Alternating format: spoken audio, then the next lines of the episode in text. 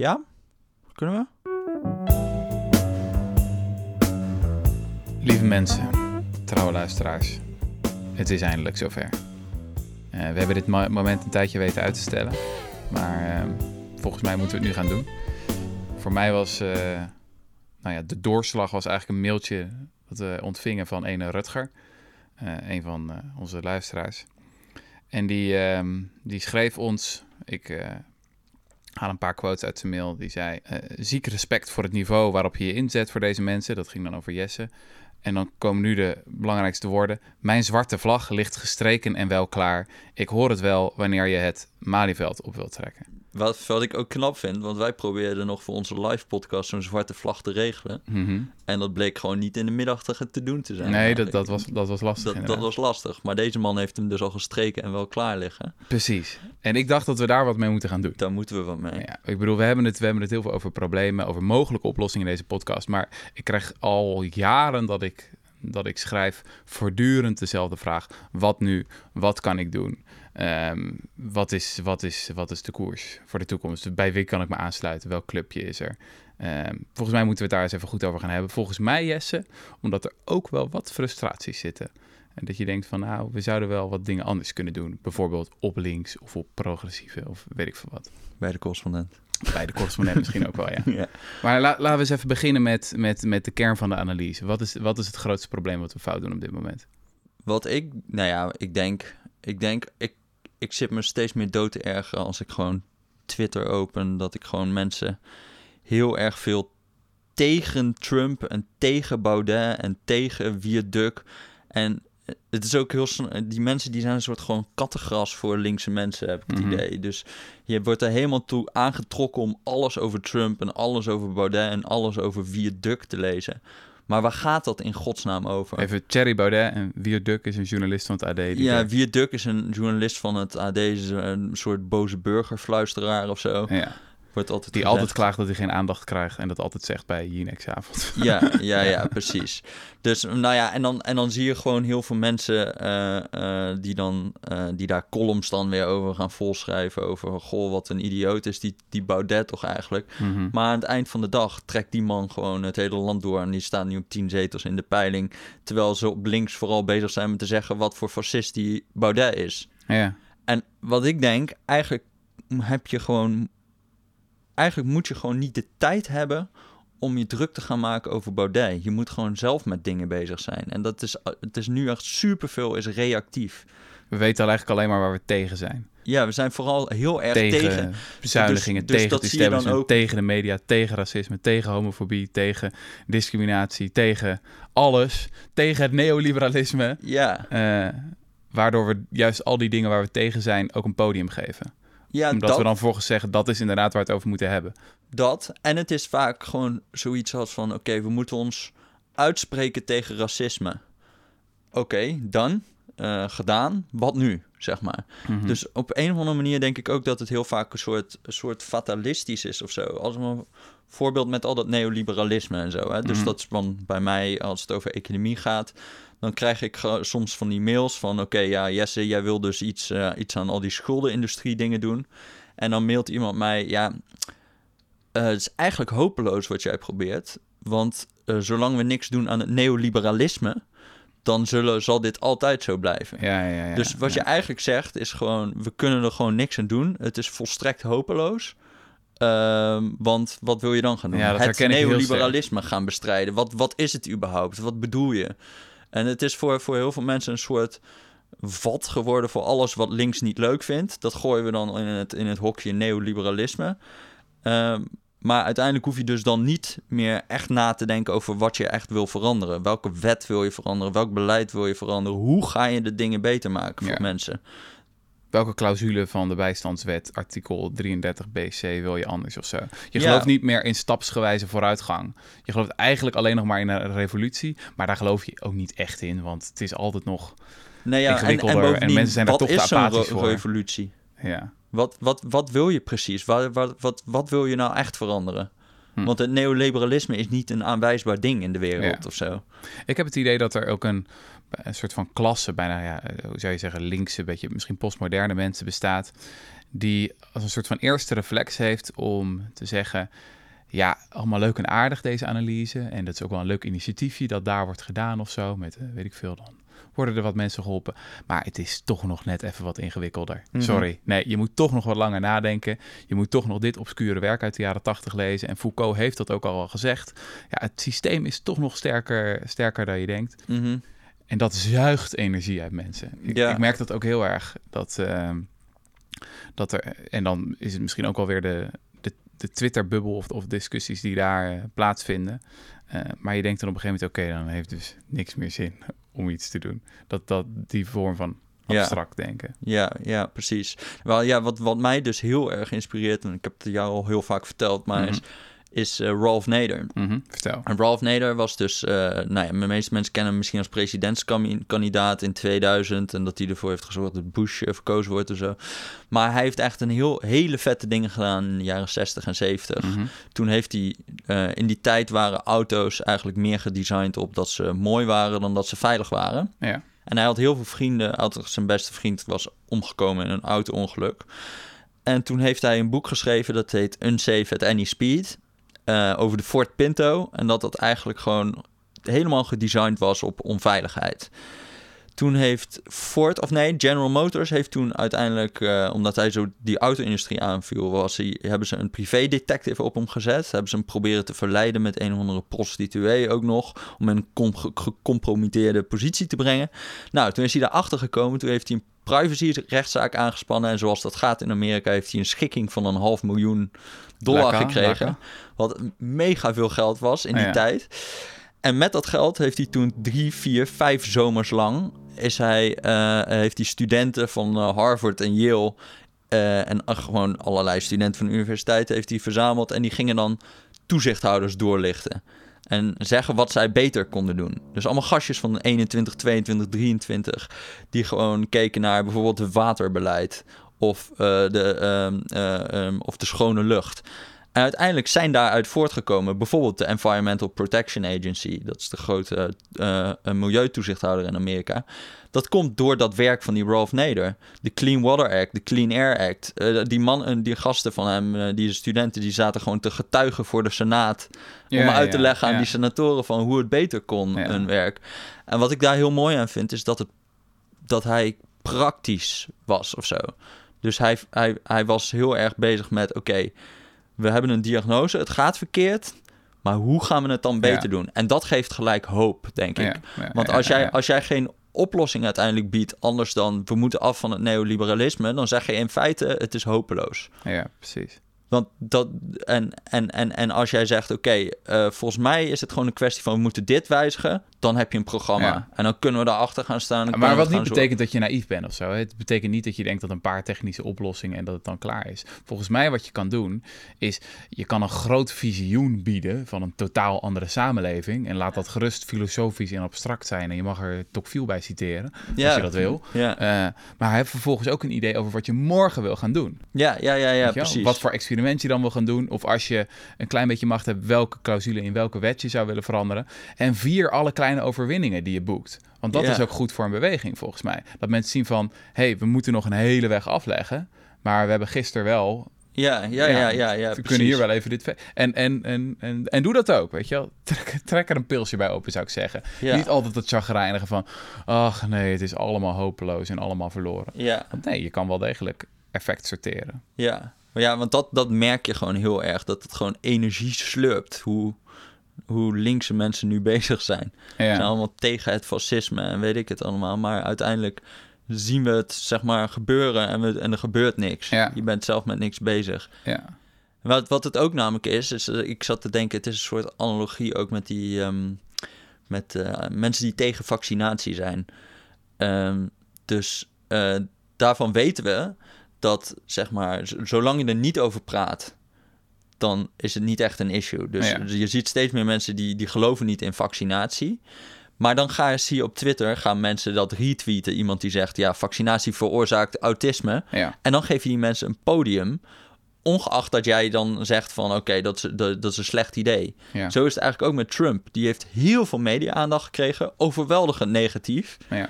Maar daar gaat het niet om. Het Nee. gaat om het feit dat je hem aandacht geeft. Dus En- dat en- betekent dat de methode, laten we zeggen de NRC Next of de NRC-methode, Fact van checken. we gaan factchecken, dat werkt ook niet. Nee, Want dan geef je ook weer die standpunten een podium. nee, je moet gewoon het onderwerp veranderen. Dus je moet gaan hebben over dingen die wezenlijk en die belangrijk zijn, maar die nu niet op de agenda staan Ja. of zo.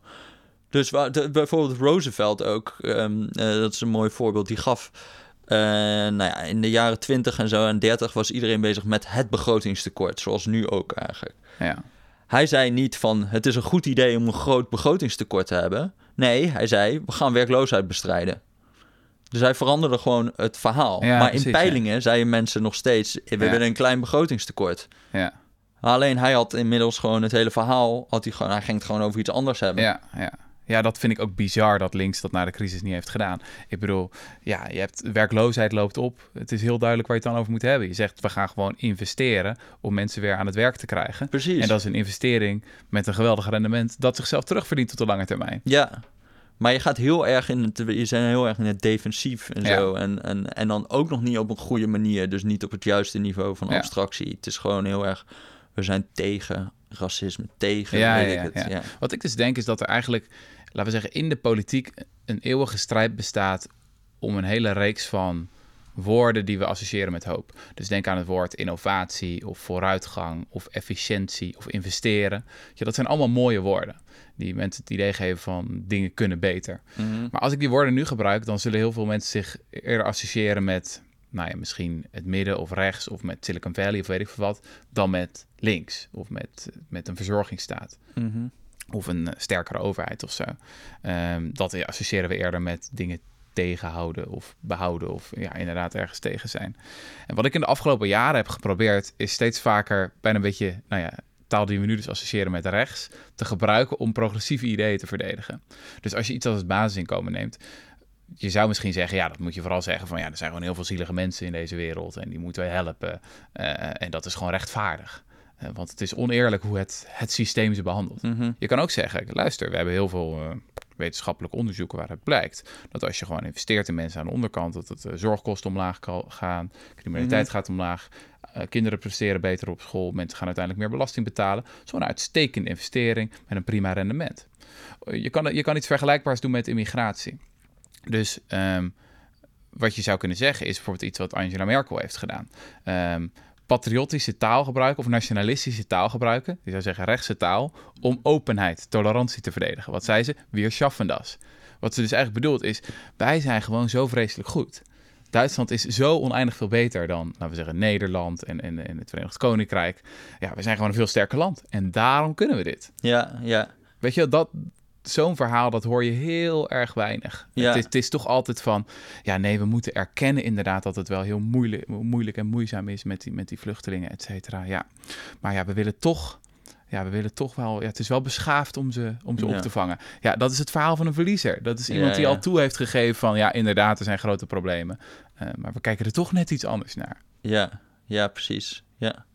Nee, ben ik het helemaal mee eens. Ik denk, eh, ik denk ook dat het van dat nationalisme of zo. Je kan als Nederland natuurlijk ook veel meer eh, zeggen. Wij zijn een soort pioniersland als het gaat om de verzorgingsstaat. Ja, weet je wel? Wij willen, wij willen Op nul alle daklozen. Wij willen, wij Ja. willen eh, armoede uitroeien. Ja. Weet je wel? Wij zullen het eerste En land zijn zonder armoede. ook bij PVV. Hè? Wij willen het meest gewoon- duurzame land zijn ter wereld, want dat zit in onze geschiedenis. Weet je wel, de strijd tegen het water. Wij willen, willen bovenaan staan in al die ranglijstjes, want dat zit in onze genen, dat is onze cultuur. Eh, Ja. Wij staan open voor alle talenten, die hele wereld, eh, die hier naartoe willen komen om geld te verdienen. kan je nog want dat was in de. Gouden Eeuw al Ja, zo, weet je wel. ja. Je kan een Ja, ja. knetternationalistisch verhaal vertellen rondom al die open, tolerante, progressieve waarden. Maar je moet het wel doen Ja, ja. zou ik zeggen. Oké, dus dat is, ehm, dat is het eerste verhaal. Het eerste besef eigenlijk. We moeten wat meer in termen van, van hoop spreken. Volgens mij het tweede besef waar we, waar we nu op, op afsteven... is iets wat jij ook in je schuldencampagne bent meegemaakt. Namelijk wat Joris Luijendijk altijd zegt van... ehm, de cockpit is leeg. De macht ligt in zekere zin voor het grijpen. Ja. Hoe heb jij dat Nou, ik, ervaren? ik vind dat vooral nu, ja, ik weet nog niet, ik ben nog niet helemaal landelijk, maar ik ben nu dus veel met gemeentes en zo bezig. Wat eigenlijk toch wel heel interessant is, want daar is eigenlijk, merk ik ook, steeds veel, heel veel te doen. Dus daar kan je eigenlijk al heel veel veranderen, gewoon op lokaal niveau. Nu ook met die decentralisatie steeds meer. En wat je gewoon merkt is dat heel veel mensen snakken naar ideeën. Mhm. Dus eh, voor, voor uh, wethouders en zo, die horen heel graag hoe het beter kan. En als jij met iets, uh, uh, nou ja, wat ik dan toch wel vrij radicaal zou denken of zo, van geef, geef een van onze voorstellen is bijvoorbeeld van geef hul, hulpverleners gewoon een bureaucratievrij budget. Ja. Dus je geeft gewoon uh, sociale wijkteams, zeg je van oké, okay, geef die gewoon 10% van hun budget. Mhm. Moet gewoon geld zijn waar je niet voor hoeft te verantwoorden, maar waarmee je gewoon dingen kan oplossen of zo. Ja. Nou, dus uh, dan heb je zo mensen achter. En Ja. ik denk dat we nu wel 20, 30 gemeentes hebben of zo die dat gewoon gaan doen. Ja. Nou, dus dat het zo simpel kan zijn. Want wat is het nou eigenlijk, dat hele schuldvrij? Ja, ik wil niet oneerbiedig zijn, maar het is een WhatsApp-groepje met mij en Esther en Sarah. Ja, ja, ja. En wij zitten daar gewoon een beetje, we komen af en toe bij elkaar. Ja, we hebben natuurlijk een site en, uh, en zo, maar het is ook uiteindelijk vrij banaal. ja. Dus je kan en je eigenlijk kan met... het zo ook, ook heel groot voorstellen en zo. We hebben een logo en we kunnen naar die wethouders van, ja, schuldig en hier moet je echt wat mee. Maar, je, maar het dit is gewoon- interessant, hè? Want eigenlijk, het, laten we zeggen, het links-fatalistische wereldbeeld is dat er een heel sterk systeem is. Dat donders goed weet wat het aan het doen Nee, is. joh. Het En is- alle belangen keihard verdedigt. En dat je eigenlijk geen deuk in een pakje boter slaat. Want het systeem is zo sterk. Wat jij eerder ervaart is, nee, het is een rommeltje. Mensen Ja. hebben geen flauw benul wat ze aan het doen zijn. En als je zegt, zullen we het anders doen? Dan zeggen ze, oké. Ja, Ja, ja, nou ja, natuurlijk, je hebt dan altijd weerstand of zo, maar het is, het is veel makkelijker dan je zou denken. Het is veel makkelijker om gewoon ergens binnen te komen. En eh, nou ja, wat, ik, wat, wat, wat, wat, we ook ervaren. Ik zat met Esther en Sarah en eh, zaten we met eh, een raadslid van een grote partij in een grote gemeente in Nederland. Kan niet Ja. zeggen. Ja, en die, ehm, die, eh, die, eh, nou, die eh, ver- verwachting was dat die partij erg veel zou winnen in die gemeente. Ja. En die, die stelt op een gegeven moment gewoon voor van... wil eigenlijk niet een van jullie wethouder worden hier? Toen dacht ik echt, nou oké, nou nee, maar leuk dat je, Je, vraagt. je wordt genoemd. Ik word genoemd, ja precies. Maar, dus dat, dat al ter illustratie van hoe snel dat gaat. Ja, nou ja, natuurlijk. Het is wel Esther en Sarah. Die hebben natuurlijk wel een mega succesvolle serie. Ja. En ik werk bij de correspondenten zo. Het komt niet uit niks. Maar het is ook wel vrij banaal hoe makkelijk je daar binnenkomt. En wat zij, wat, eh, zij of hij ook vertelde...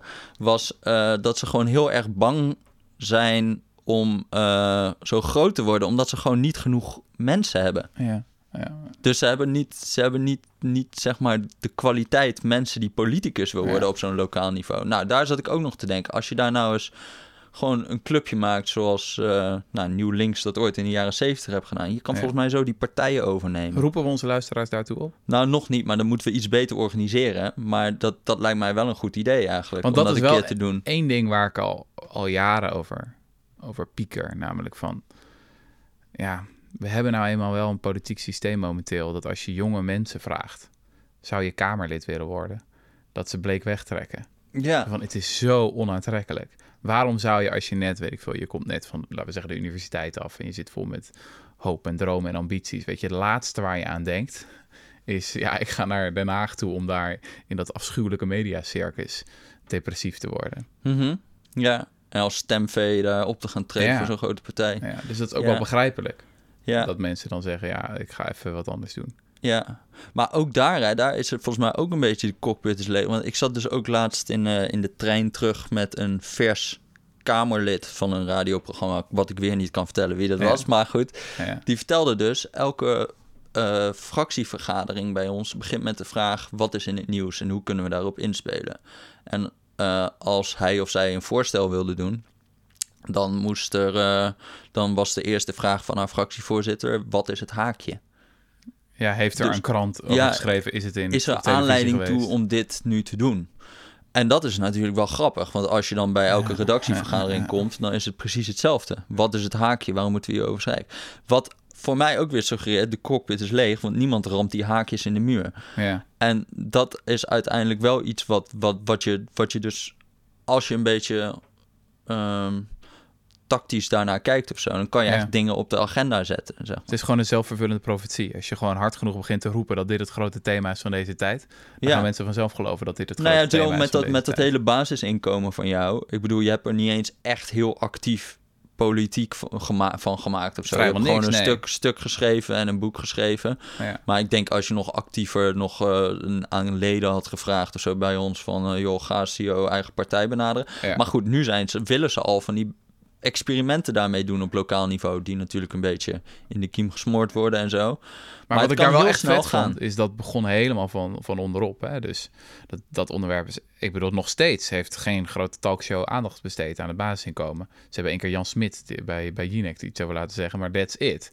Weet je? En, Mhm. en, en eh, nou ja, op politiek niveau is er wel ietsje meer aandacht voor. Zie je het in een paar, paar verkiezingsprogramma's. Maar dit begon echt op lokaal niveau. Mhm. Van gewoon mensen die bij elkaar kwa- kwamen en zeiden van ja, wat we nu doen, dat werkt in ieder geval niet. Peperduur, vernederend. Het werkt niet eens. Weet je, het helpt mensen niet aan werk. Laten we het anders doen. Dus dat is volgens mij een heel mooi voorbeeld van dat echte verandering niet in het midden begint, maar ja, aan de, aan de randen, aan het uiterste. Niet, niet centraal in Den Haag of in Hilversum, maar eerder lokaal. Ja. ja, en hoe snel dat op zich nog kan gaan, hè? Ja, toch? Want het, is, het, het wordt, wordt vrij snel gewoon echt iets. ja. Oké, dus dat is besef 2. realiseer je dat de keizer geen kleren aan heeft. En realiseer je ook is leeg. Ja. Het, is, het, is, het, is, het, is, het is geen complot, het is een klucht. Die staat, die klaar om bestormd te worden. Die smacht naar de zwarte vlag. Ja, ja, ja. Oké, het volgende eigenlijk wat, wat besef wat, wat ik daar nog zou in willen brengen is iets wat ik na de publicatie van mijn boek steeds meer ben gaan realiseren is hoe vreselijk besmettelijk ideeën zijn. Eh, ik, kan, ik kan één voorbeeld geven. Ik eh, kreeg op een gegeven moment een eh, e-mail van een, eh, een vrouw die eh, werkt. of nee, die was al met pensioen gegaan trouwens. En die had mijn boek gelezen. En die had het aan haar zoon gegeven. En die zoon die had het weer aan een vriend gegeven. En die weer aan een vriend en die weer aan een vriend. En die woonde in Canada. En toen was ik voor mijn TED ook in Canada. En toen kreeg ik op een gegeven moment een e-mailtje van een, van een vrouw. En die, die vertelde dat hele verhaal van via, via, via hoe dat idee bij haar was gekomen. Ze zei van ja, dat verhaal van die Londense daklozen, die 3000 pond kregen, waar jij toen in, in je boek over vertelde. Ja, dat heeft mij zo geïnspireerd. En we hebben nu een eh, NGO opgezet in Vancouver eh, om een groot experiment te doen om geld te geven aan daklozen en te kijken wat er gebeurt. En we hebben net een half miljoen in overheidsfinanciering gekregen. Mhm. En eh, nou, ik heb haar ontmoet in een café. We zijn op de foto gegaan. En ze hebben een website. Eh, en nou, dat, is, dat vond ik zo te gek. Zo'n voorbeeld van... Je hebt geen half idee van, van hoe besmettelijk ideeën zijn... eh, en hoe ze over de wereld kunnen gaan. Mhm. En dit is dan een zeldzaam voorbeeld dat je het ziet. Of dat, dat, ik, het, dat ik het zie. Maar dan doet je ook nadenken van... Hoeveel meer voorbeelden zouden er zijn... van hoe je via, via effect kan hebben. Mhm. Met je hebt met die gepraat en die heeft dat weer gehoord. Nou, ja, toch ook dat programma van Bo met die Amsterdam Project. Ja, Het was ja, toch eigenlijk ook ja. een beetje geïnspireerd door dat voorbeeld met die daklozen. Ja, ja, nee, ik heb een paar keer met Bo gezeten zelfs. En in eerste instantie, ja, Bo van Ervedoris, ja, die, die eh, nam contact met mij op en die zegt, we willen geld gaan geven aan daklozen voor RTL 4 en doe je mee met het programma. Toen zei ik, ja, hele grote dikke vinger voor jou. RTL 4 is echt de duivel wat mij betreft in het, in het, in het kapotmaken van arme mensen met die afschuwelijke Annemarie van Gaal. Ja. Weet je, al die poverty porn, zoals ze dat noemen in, in het Engels. Verschrikkelijke programma's. Nou goed, toen hebben we, zei hij, nee, nee, nee, nee, nee, we moeten toch echt in gesprek gaan en we hebben echt goede intenties. En ehm, uiteindelijk een contract hebben, getekend dat ik me kon terugtrekken na, als ik de eerste twee afleveringen me niet bevielen. Nou, ik bekeek die aflevering en ik was echt half geëmotioneerd. Ik dacht echt, wat fantastisch dat RTL 4 dit gaat uitzenden. Mhm. Het was echt een mooi en respectvol programma over, nou ja, de, de, de kracht en de, en de, hoe zeg je dat? De, de dromen van, van, van dakloze mensen in onze samenleving. Mhm. En hoe schandalig het is. eh, ja, eh, wat we nu met ze doen. ja, ja. Ehm, dus dat was inderdaad ook een vet voorbeeld van hoe besmettelijk ideeën zijn en hoe ze anderen er lekker mee aan de haal kunnen gaan. Ja, ja. Ja, en dat kan je ook natuurlijk nog veel georganiseerder doen of zo. Of dat, dat je wat meer, wat waar, waar we het net ook over hadden, dat je meer successen viert of zo. Ja, Je moet dus ook beseffen dat het natuurlijk, want dat is het probleem, het is gewoon traag. ja. En iedereen wil direct resultaat. En dat, zo werkt het niet. Nee, precies. Je moet echt een beetje geduld hebben eigenlijk ook. Je moet een, je moet een lange termijns frame hebben van dit willen we de komende 10, 15 jaar of zo is ons doel. Ja, maar zo, zo redelijk kan je nou ook weer niet zijn. Dus je moet ook wel zo onredelijk zijn om het dus vandaag te verwachten dat het geregeld is. Ja. Maar, maar dan moet je ook ondertussen nog wel, zeg maar, vieren wanneer iets een keer lukt. Of zo. Ja. Anders bloedt, bloedt al die dingen dood. Dat zie je ook heel vaak. Dat het Ja. gewoon begint en dan, oh, klaar. Iedereen haakt af. Ja. Dus, eh, Nou, we hebben het wel vaker in deze podcast gehad over dat juist momenten van crisis zijn, zijn momenten dat het alle kanten op kan gaan. En het is natuurlijk duidelijk na 2016 met Trump en Brexit en noem maar, maar op dat we duidelijk in zo'n moment leven. mhm. Ehm, en dat het nu een moment is om heel hard een bepaalde kant op te duwen. Eh, maar zijn wel volgens mij echt hoopvolle tekenen. We hebben het ook gehad over ehm, verkiezing van Jeremy Corbyn en, en Labour. Eh, en natuurlijk is genoeg aan te merken op die man. Maar ik bedoel, dat was een radicale campagne van hoop. En ineens deden ze het veel beter dan wie dan ook verwachtte. Ja, Dus het, is het probleem van de Labour Party in, in Engeland was al die tijd niet van... oh, ze zijn te radicaal.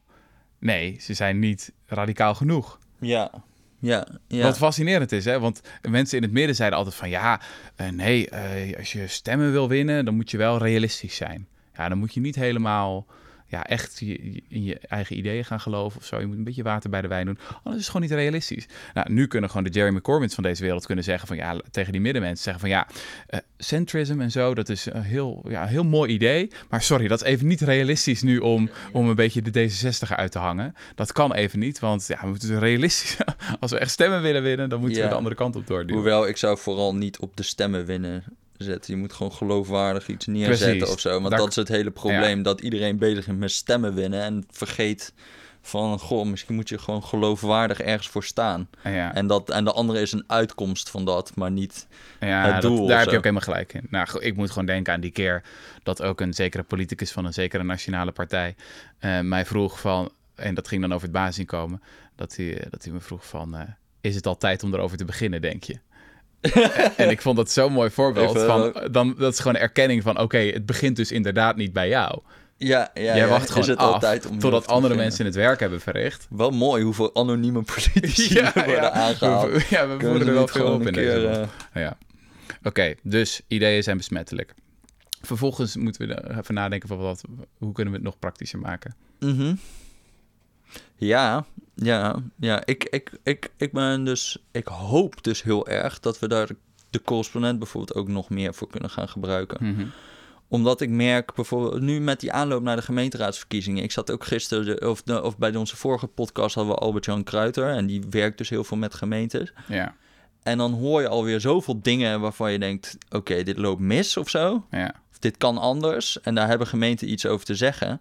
En dat, moet, dat zou ik heel vet vinden als we dat bij de correspondent gewoon op de agenda kunnen zetten. En dan vervolgens, net zoals nu met die schulden-ding, wat we een beetje probeerden, maar dan beter nog. ja, Dat ook aan te brengen bij partijen en te zeggen van, joh, eh, ga hier iets aan doen. En voor je het weet, heb je 20, 30 partijen, eh, eh, gemeenten in Nederland die een experiment willen doen met zoiets. ja, ja, ja. En over vier jaar, dan zijn die experimentresultaten er en dan doet iedereen het omdat het werkt. Of tenminste, hopen we dan dat het werkt. Ja, dus Maar enerzijds is de cockpit leeg, maar anderzijds ligt er gewoon een enorm ongebruikt reservoir aan energie. Van Ja, mensen die iets willen doen. ja, En, en ik heb het een paar keer gehad. Bijvoorbeeld, ik had een keer die ik, ik stap over van bankweek. Had ik, Ja. gewoon, ik wou overstappen van bank en ik dacht, ik kan net zo goed een artikeltje erover tikken en zeggen, jongens, overstappen van bank, allemaal, deze Ja. week. En uiteindelijk gaat iets van 10.000 man mee. ja En heel ik- fijn ik voor was- de triodos. En ik was echt versteld gewoon van hoe makkelijk dat was. Ja, Van, ja. huh? En ineens herkent iedereen bij elkaar van... ja, ik wil eigenlijk ook wel overstappen van bank, maar ik stel het uit... of ik heb geen zin, want eh, wat heeft nou voor zin als ik het alleen doe? En je herkent het bij elkaar, oh wacht, ik ben niet alleen. We zijn met veel meer mensen die eigenlijk denken... oh, ik eigenlijk overstappen naar een andere bank. ja. En boom. Maar dat heeft me wel steeds meer doen beseffen van...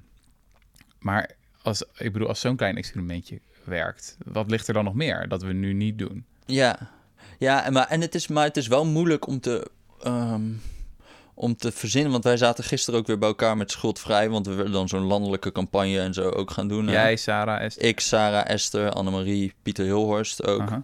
Ehm, en ehm, dan is het ook wel lastig om te verzinnen wat je nog meer kan doen... behalve zeg maar een manifest ondertekenen of zo. Ja. En daar blijft het dan vaak toch bij. Van wij, wij schrijven dan zoiets en dan vraag je aan mensen gewoon teken zo'n manifest. Ja. En dat is natuurlijk, geeft ook geen energie. Dus Ja. het is nog best wel moeilijk om, vooral bij, bij zo'n voor stap... ons, o- ja, moeilijk moeilijk, voor voor ons. Van zo'n stap over van bankweek, dat heeft een concreet ding, weet je wel. Ja. Je moet overstappen van bank. Maar om zoiets structureels te veranderen, iets met politiek, dat is heel erg lange adem. Ja. En er is weinig, zeg maar, concrete acties die je kan doen. Dat was natuurlijk wat, wat in die Provo-tijd en zo wel heel goed werd gedaan. Ja. Je, je maar ik bedoel, wij pleiten niet voor om à la zwarte vlag weer te gaan demonstreren tegen iets. Ik bedoel, we zijn al genoeg... Nee, nee, nee, nee, inderdaad. Nee, dat, nee, nee, nee, dat klopt. Eh, hoewel, ja, dat heeft natuurlijk ook wel zijn rol. Maar, eh, We- Weet je wat ik zou zeggen is dat volgens mij kan iedereen een verschillende rol spelen in een beweging. Ik ben bijvoorbeeld niet zo goed in dingen organiseren. nee, ik ook niet, Weet man. je, moet je, moet je eens een keer met mij op, op reis gaan of zo. Ik ben altijd voortdurend in de totale doodsangst en totale stress. Van, ah, het, het gaat helemaal mis en waar is mijn paspoort? Mhm. Dat, dat soort dingen ben ik gewoon niet zo goed. Ehm, dus, dus volgens mij is het, is het gewoon fascinerend om te zien waar, waar, waar verschillende mensen mee kunnen komen. Misschien zijn er heel veel luisteraars van deze podcast die denken van... Nou, je moet deze daarop inzetten, daarop inzetten. Mhm. Zeker, ja. morgen dit praktische plan kunnen beginnen. Daarom is ook met, bijvoorbeeld met die basisinkomen dingen. Ik schrijf zo'n stuk en er zat helemaal niet, nog niet te denken van... oh ja, lokaal kunnen we dat gaan doen of zo. Ja, het zat een beetje aan het eind van... we zouden nog eens een experimentje kunnen beginnen. Maar had helemaal niet het idee van... nu ga ik daar lobbyen of nu ga ik zus of zo doen. Dat ontstond gewoon. Daar gingen heel veel mensen mee aan de haal. Mhm. Dus misschien is het meest basale wel wat er eerst moet zijn... is besef van de cockpit is leeg. Ehm, een hoopvol verhaal. En vervolgens dat herkennen bij andere mensen. Ik ben niet alleen. Mhm. Want je kan wel, ja, weet je, wel, je kan wel iets willen doen, maar als je denkt ik ben alleen, dan doe je alsnog niks. ja. En als dat er is, dat, dat, kan waanzinnig krachtig zijn. En volgens allerlei verschillende vormen krijgen van Ja. wat mensen gaan doen daarmee. Ja.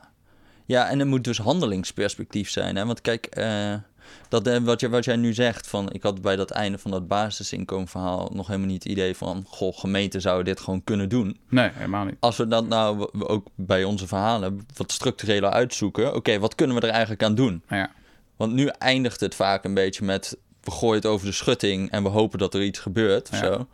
Maar als je, dat, als je misschien nog die stap erbij maakt of zo. En je maar misschien probeert ook uit te echt in wat- samenwerking met lezers, toch? Ja, ja, ja, inderdaad. Want als Ja, een lezer vraagt, ik- wat kunnen we ook doen? niet. Of als een luisteraar vraagt, wat kunnen we doen? Zijn wij misschien wel niet eens de beste partij om daar antwoord op te geven. Nee, precies. Want onze reflex is, ja, maak er nog een podcast over. Ja, ja, precies. Of- ik schrijf nog een stuk. Ja. Doe een oproep. Precies. Doe er iets aan. Die echt wel effect hebben. Ja. Ja, nee, dat is waar. Dat is waar. Dat is waar. Want, eh, maar ja, ik vind, vind vooral ook gewoon, we moeten niet, niet, niet te veel van die verhalen die uiteindelijk eindigen met ehm, eh, een oproep tot verbondenheid. Weet je wel? Ja, ja, ja, die gewoon even feel good zijn. Ja, dan, en dan denken, denken linkse mensen zo van de correspondent denken gewoon geweldig stuk. Eh, einde verhaal. Ja. Weet je wel. Dat, maar dat, dat, dat is gewoon een, een, een, een boom die landt in een bos waar niemand naar luistert, zeg maar. Ja. Er gebeurt niks of zo. Ja. Het heeft, heeft weinig import. Het, heeft, het verandert niks in de wereld. Net Ja. zoals een column over viaduct schrijven. Dat doet niet zoveel. Het doet niks uiteindelijk. Ja. Het heeft heel weinig impact. En als, als, als mensen die het. Ik denk dat we gewoon veel meer moeten denken over. Waarvoor zijn we hier op de aarde of zo? Zijn het toch om dingen ten goede te veranderen? En dan moet je gewoon ogen op de bal hebben. Dus ook heel welbewust afleren om met dat soort dingen bezig te zijn. En te denken ook, wat, waar kan ik de meeste impact hebben Ja. of zo? Ik vind wel fascinerend om te zien, ook bij veel mensen om omgeving, als het gaat, eh, en ook veel vrouwen in mijn omgeving, dat ze zich steeds meer aan het informeren zijn eh, en, en, en steeds meer aan het lezen zijn over feministische thema's. Dus het is echt een terugkeer. Ik bedoel, bedoelt je podcast met, met Brechtje over. Zeker goed voorbeeld ervan. Eh, maar er zijn meer voorbeelden. En dan is toch het meest basale waar het mee begint, is informeer jezelf. Weet je wel? Mhm. lees jezelf erover in. Bekijk er goede documentaires van of zo. En dan het gevoel van hier moet ik iets mee. Weet je, je bekijkt een documentaire van Sunny Bergman. Ik denk dat veel mensen dat bekijken en denken van... Oh, dit is, ik moet hier iets mee. Weet je, ik weet nog niet precies wat. Mhm. Maar daar, daar begint het dan. Ja, dat is waar. daar begint het dan waar. vaak mee. Maar ik denk dat we een tekort dus hebben in informeer jezelf wat minder over de laatste scheet van Wierduk. Mhm. En buiten- negeer dat gewoon wat bewuster. En, en zorg dat je ook een mediadieet hebt. En, en laten we zeggen een kennisdieet. Waarbij je informeert en opwindt over dingen weet je, wel, die je echt aangaan. Ja, Die, je- die, dat moet je heel welbewust doen. Want het Ja. is echt makkelijk om op elke scheet van Trump te klikken. Ik heb dat Ja. ook. Op een gegeven moment zat ik echt de hele tijd de New York Times te refreshen, weet je wel. ja, Maar waar ben je eigenlijk mee bezig? Ja. Waar gaat het over? Ja, nucleaire oorlog. Ja, ja, ja. Maar, Nee, eh, je, je, maar je klikt jezelf in een depressie. Ja. ja, inderdaad. Maar wat ik nog wilde zeggen, ik denk dat we wel ehm, wij hebben vaak het idee dat er, zeg maar, een, een, een links mensen hebben heel vaak het idee dat er een tekort is aan eh, de analyse of zo. Of dat er een tekort is aan goede bedoelingen. Maar volgens mij is er een chronisch tekort aan oplossingen. Dus aan manieren om, om, om het echt beter te doen. Ja. En, en, en daar, daar, daar zou ik denk ik ook dan... Ja, daar zou je veel meer moeten, over na moeten denken. en Zullen we daar nou mee afsluiten? Ja. Want volgens mij komen we dan op het, op, op het laatste besef. Volgens mij zit ik dan bij, bij vier, geloof ik. En dat is van dat we eigenlijk gewoon nieuwe helden nodig hebben. Van mensen die dat wel doen. Ja, Ik vind altijd, een van mijn favoriete voorbeelden is... je kan eindeloos leuteren over marktwerking in de zorg. En dan weet je wel weer het neoliberalisme dat alles kapot Mhm. maakt. Maar je kan ook eh, Jos de Blok zijn en zeggen... weet je wat, we gaan het gewoon anders doen. We gaan in het systeem dat naar mij schreeuwt... eh, doe het efficiënter, maak meer productcategorieën, et cetera, et cetera. Ga je gewoon binnen dat systeem zeggen: nee, we doen het anders. Zelfsturende teams, managers knikken we eruit. We leveren nog maar één product en dat product noemen we zorg. ja. Klaar. En weet je wel, je begint met twee teams en nu heb je een bedrijf met 14.000 medewerkers dat vijf keer is verkozen tot beste werkgever van het jaar. Vind ik heel erg vet. Of die gast die ik, eh, waar we het ook eerder over hebben gehad, die ik interviewde voor mijn artikel over spelen, chef drummen. Die denkt van, ja, ik, ik vind het gewoon schandalig. Ik vind het schandalig, immoreel, dat we kinderen van jongs af aan apart plaatsen, weet je wel? Dat we vanaf 12-jarige leeftijd zeggen, jullie zijn de, eh, zijn de slimme jullie zijn de domme, VMBO, v, eh, VWO. En dan gaan we vervolgens klagen over dat er een kloof is in Nederland. Schandalig, weet je wat? Ik ga gewoon een andere school beginnen. Mhm. Gooi ze, de hele, gooi ze allemaal bij elkaar. Doe ja. anders. Ja, zo inspirerend, zo vet vind ik dat. Van die mensen die op een bepaalde manier dan ja, niet gaan Poten lopen mokken, bokken. Ja, niet het, het systeem met tweets omver willen gaan werpen, maar gewoon iets gaan doen. Ja, en daar zijn er eigenlijk als je... Die ko- komen steeds meer, komen ze steeds meer tegen ook of Ja. zo. Hè? Die chef drummer, die kwam ik ook op, in één keer tegen. Ja. Ergens op zo'n... Ja, of de advocaat Jelle Klaas die we, Jelle die Klaas, ja, ook heel. Oneindig veel meer respect voor dat soort mensen dan... Alleen, dan eh, je ziet die- ze niet zo snel in de talkshows en zo. Nee, je ziet ze nooit, nee. nee. Dus, dus dat, de- inderdaad, dat is ook vet om dat gewoon meer een platform te geven. Ja. Ook dat soort, nou ja, zo'n zo'n Jos de Blok is natuurlijk inmiddels wel heel erg mainstream geworden. Dus hij, of tenminste de hele, de, iedereen van links tot rechts loopt met hem weg, weet je Ja. wel. Ik vind dat eenmaal te gek. Maar zo kan je ook zien hoe, hoeveel invloed dat kan hebben, zo'n goed voorbeeld. Ja. En eh, ja, Nou, oproep dus. Ben jij zo'n held? Eh, meld je dan. meld je dan bij de Rudy en Freddy Want show. wij hebben toch geen onderwerpen meer, dus we willen graag iemand interviewen. Zo is het. Ja. Eh Jessie, ik ga je een tijdje verlaten, ben ik bang. Oké. Nou, dus dan heb ik helemaal zo'n held nodig. Want eh, wat, hoe gaat het anders gekomen met die volgende podcast? Wat ga je doen dan? Ik ga naar eh, Australië. Oké, dat is geen eh, straf. volgende week. Ga, he- gaan we het evangelie verspreiden. En daarna meteen door naar Parijs en dan naar Italië en dan naar Noorwegen. En dan ben ik weer terug. Maar dan is het wel eind september. Jesus. Christ. Jesus Christ. Wereldtournee. Dus je moet even bedenken wie, eh, met wie je in de Ga je met Rob doen of zo? Ja, ja, dat sowieso wel een keertje, ja. Ah, leuk. Ja, want ik zat eh, naar de concurrentie te luisteren. Ja? Dus eh, Alexander Klupping en Ernst-Jan Fout. Ja, dat is ja, ook, Ernst-Jan Fout is ook een van onze oprichters. En die hadden ook Rob uitgenodigd.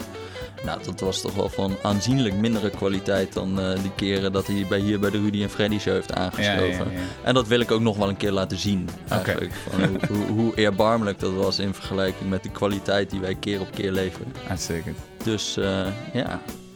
Dus eh, nee, ik treur er niet om dat je weggaat eigenlijk. Dat gaat, Wat fijn te horen, Jessie. Eh, lieve luisteraars, tot de volgende keer. tot de volgende keer. Goeie lengte. Ja, dat was wat, Joe.